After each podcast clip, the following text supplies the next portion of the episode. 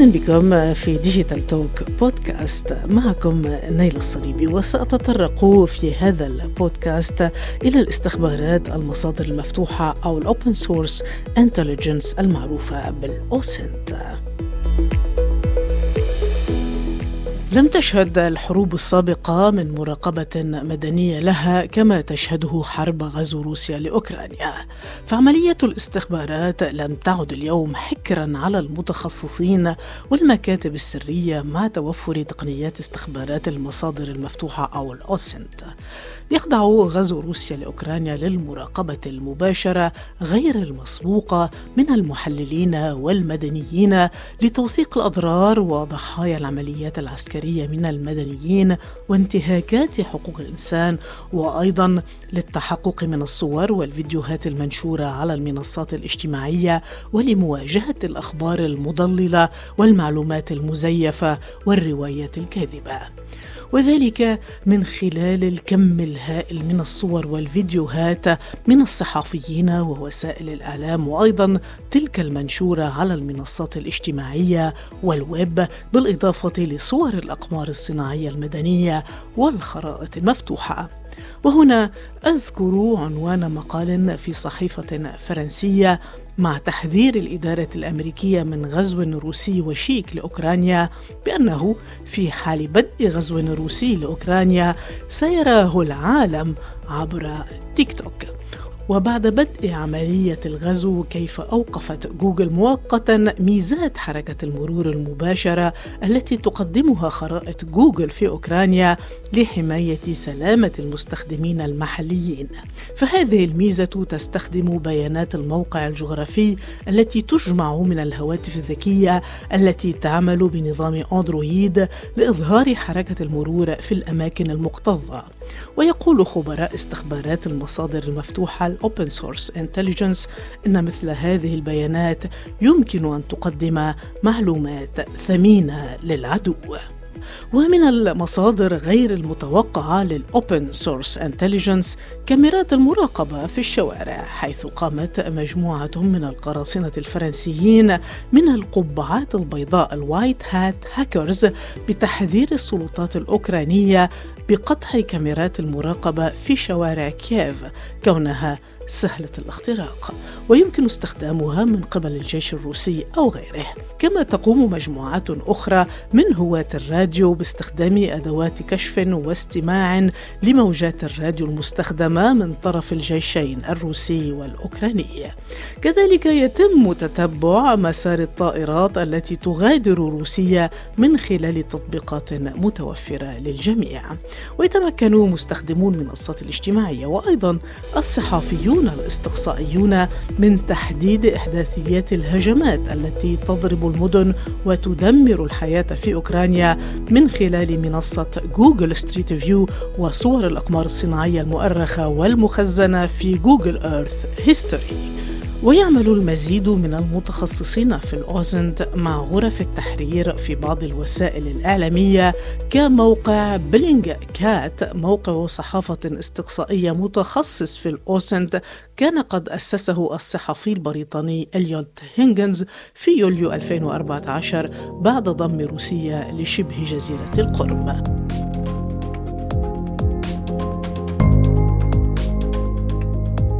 فما هو ال OSINT أو ال open source intelligence وأبرز التقنيات التي تساعد على جمع المعلومات وما هي أنواع عمليات استخبارات المصادر المفتوحة؟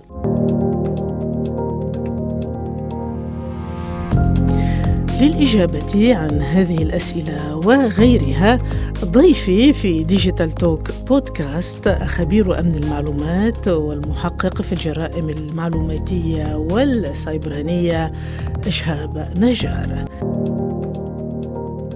أهلا بك إشهاب.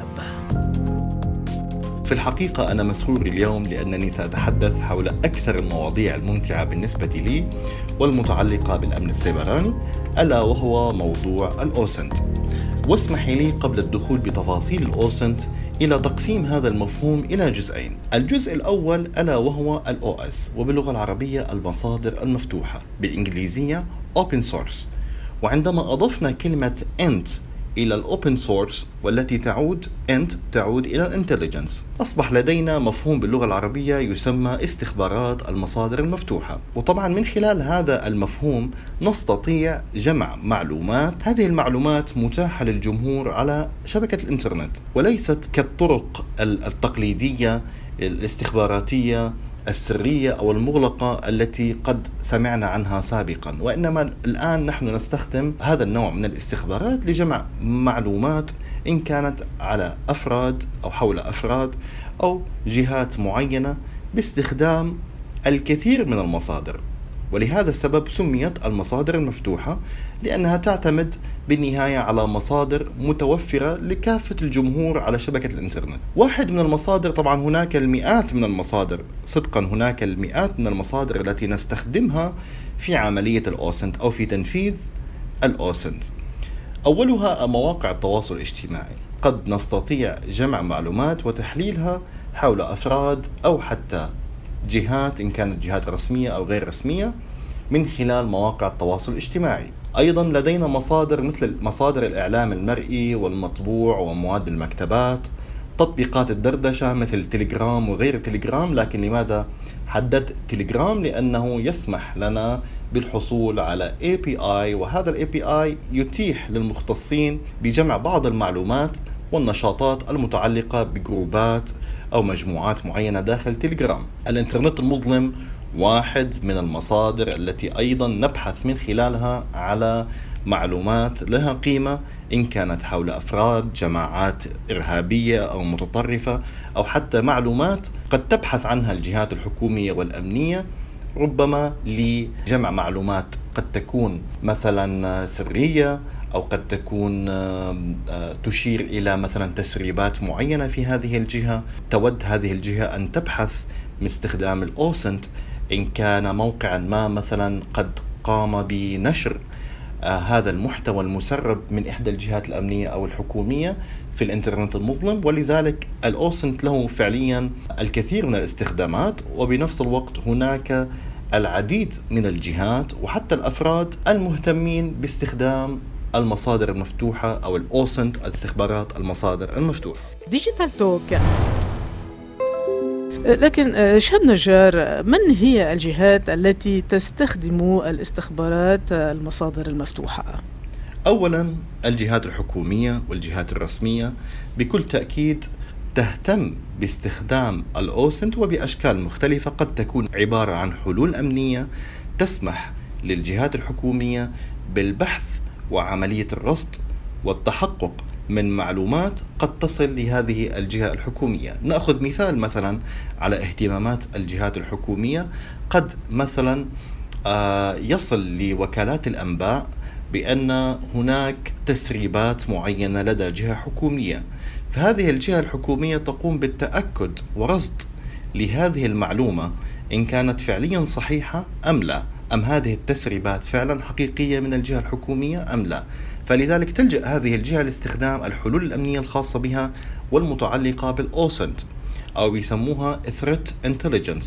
أيضا الاستخبارات حول التهديدات الإلكترونية التي قد تصل أو قد تعرض جهة حكومية ما إلى الخطر.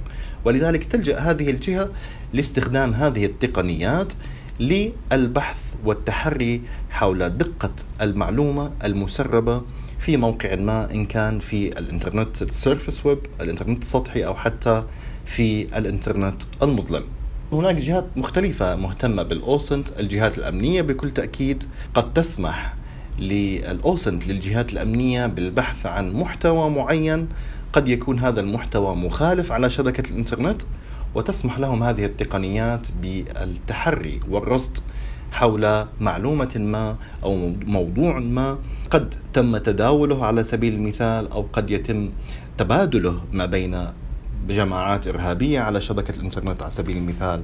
وغيرها من المواضيع الأمنية التي قد يعني بالنهاية تفيد الجهات الأمنية التي تستخدم الأوسنت حسب المتطلبات اللي اللي موجودة عندها.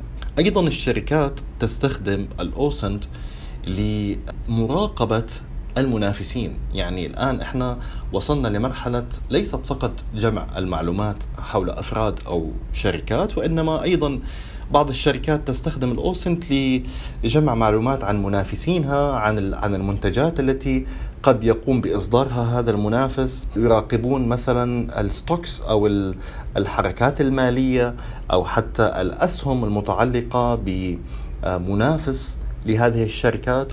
ف يعني يتم استخدام ال OSINT لاستخدامات عديدة بالنسبة لل business أو الشركات التي تعتمد على ال business. هناك أيضا جهات مثل طبعا يعني هذا شيء يعني من سنوات طويلة للأسف يتم استخدامه ألا وهو الجماعات الإرهابية والمتطرفة على شبكة الإنترنت تستخدم أيضا تقنيات الأوسنت لجمع بعض المعلومات المتعلقة بالثغرات الأمنية أو نقاط الضعف الأمنية في أجهزة معينة وقد تتواجد هذه الأجهزة في دولة معينة ويقومون بتنفيذ عملية رصد وتحري لهذه الأجهزة من أجل اختراق هذا الجهاز وتنفيذ هجمات إلكترونية من هذه الأجهزة ليصبح هذا الجهاز وسيط ما بين هذه الجماعة الإرهابية والجهة المستهدفة. أيضا نحن كمختصين في الأمن السيبراني نستخدم بالتأكيد ال OSINT. ال hackers يستخدمون طبعا ال OSINT ال penetration testers اللي هم المختبري الاختراق. وأي شخص مهتم بال cyber security أنصح دائما بأن يتعرف على الأقل على استخدامات ال OSINT وعلى مدى أهمية هذا النطاق في الأمن السيبراني. ديجيتال توك. ما هي أبرز عناصر وأشكال عملية ال OSINT شهاب نجار؟ هنا نتحدث عن ثلاث عناصر أساسية في عملية ال OSINT أو في عملية ال open source intelligence أو استخبارات المصادر المفتوحة النوع الأول من أنواع آه، جمع المعلومات الاستخباراتية عبر شبكة الإنترنت ال passive collection ألا وهو جمع المعلومات بشكل مجهول حول شخص ما أو حتى جهة ما أي أنه لا يوجد interaction ما بين أو, أو أي تواصل ما بين الشخص الذي يجمع المعلومات والشخص المستهدف أو الجهة المستهدفة. وطبعا يتم جمع هذه المعلومات المجهولة من مصادر مفتوحة مثل مواقع التواصل الاجتماعي محركات البحث جوجل وغير ذلك. أما النوع الثاني ويسمى باللغة الإنجليزية semi passive أو هو يعني قد نستطيع تعريفه باللغة العربية بأنه شبه مجهول. وهذه الخاصية ال semi passive والتي تعني أنه الشخص الباحث عن معلومة معينة أو الذي يستخدم ال OSINT قد يقوم بإرسال بعض ال traffic بعض الإشارات التي قد تصدر من جهازه أو من الجهاز الذي ينفذ من خلال ال OSINT. وهذه الإشارات قد تذهب إلى الشخص المستهدف بشكل مباشر أو غير مباشر. ولذلك سميت ب semi passive بأن بعض ال traffic أو بعض الإشارات التي تذهب من خلال الشخص الذي ينفذ هذا لن نسميه هجوم وإنما collection جمع معلومات عن هدف ما قد يصل إلى الخوادم أو إلى الجهاز الشخص المستهدف. أما النوع الثالث وهو باللغة الإنجليزية ال active collection ال active collection والذي يعني بأن الشخص الذي ينفذ ال OSINT يقوم ب هناك في تواصل مباشر ما بينه وبين الخوادم أو بين ال web services أو حتى ال IPS أو ال firewalls اللي موجودة أو أجهزة الراوتر الموجودة لدى الطرف الثاني اللي هو الشخص المستهدف من خلال ال OSINT لذلك سميت active collection لأن هناك تواصل مباشر ما بين الشخص الذي ينفذ ال OSINT والشخص المستقبل لهذه الإشارات فلذلك يكون هناك تواصل مباشر ما بين الطرفين أه، شهاب نجار ما هي أبرز الأدوات والتقنيات المستخدمة في ال open source intelligence لجمع المعلومات؟ هناك المئات صدقا المئات من الأدوات لكن الأهم من الأدوات هو أن نفهم هذه التقنية كيف تعمل بالأساس أو التكنيكس التي تعمل بها هذه التقنية وبعد ذلك قد نلجأ لاستخدام الأدوات التي تسهل علينا أعمالنا بالنسبة بما يتعلق بالأوسنت. ولهذا طبعا هذا الموضوع طويل ويحتاج إلى وقت أكبر. لذلك إن سمحت لي نيلة في المرات القادمة سأقوم بشرح بعض الأدوات للمهتمين بال OSINT والتي بعض هذه الأدوات متوفرة في Kali Linux وأيضا قد تكون متوفرة في ال GitHub وغيرها من مواقع والتي قد تسمح للمهتمين اللي بيسمعونا اليوم باستخدام هذه الأدوات والتعرف عليها ديجيتال توك هل هنالك أنواع أخرى من استخبارات المصادر المفتوحة ال open source intelligence شهاب نجار؟ هناك العديد من الأنواع الاستخبارات المفتوحة المصدر التي قد يلجأ إليها أي خبير أو أي جهة حكومية أو حتى غير حكومية لجمع معلومات حول أفراد أو حتى جهات معينة.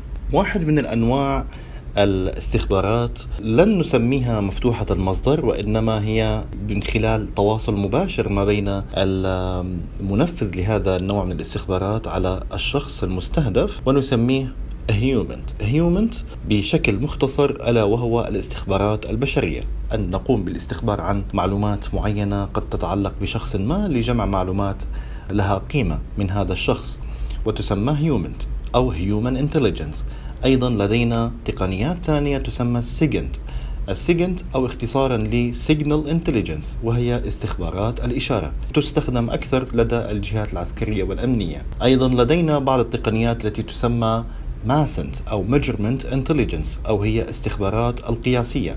والتي نستطيع مثلا قياس مفاعل نووي موجود في مكان ما جغرافيا اين أين يتواجد حجمه بالضبط أبعاده وكل هذه التفاصيل تكون في ال measurement intelligence. أيضا لدينا الأيمنت. الأيمنت أو الايميجري اناليسيس أو الانتليجنس اللي هي استخبارات الصور. أي صور قد يتم الحصول عليها من خلال مثلا الساتلايت أو حتى صور قد تكون فوتوغرافية يتم من خلال هذه التقنية التعرف على تفاصيل أكثر حول هدف ما إن كان أفراد أو حتى شركات أو مجموعات.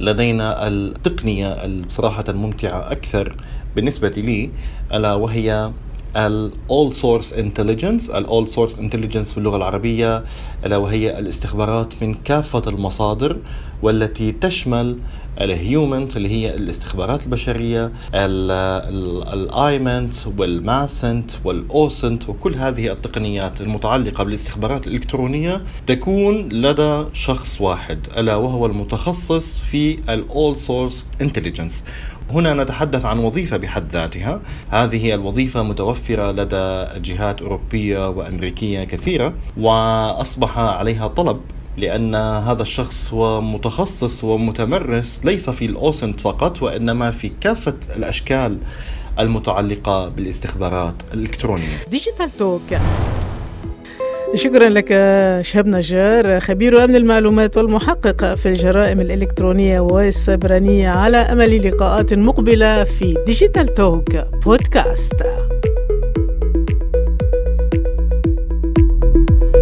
نلتقي في حلقة مقبلة في ديجيتال توك بودكاست كانت معكم نيلة الصليبي صحفية متخصصة في تكنولوجيا المعلومات والتحول الرقمي. يمكنكم متابعة ديجيتال توك بودكاست على كل منصات البودكاست.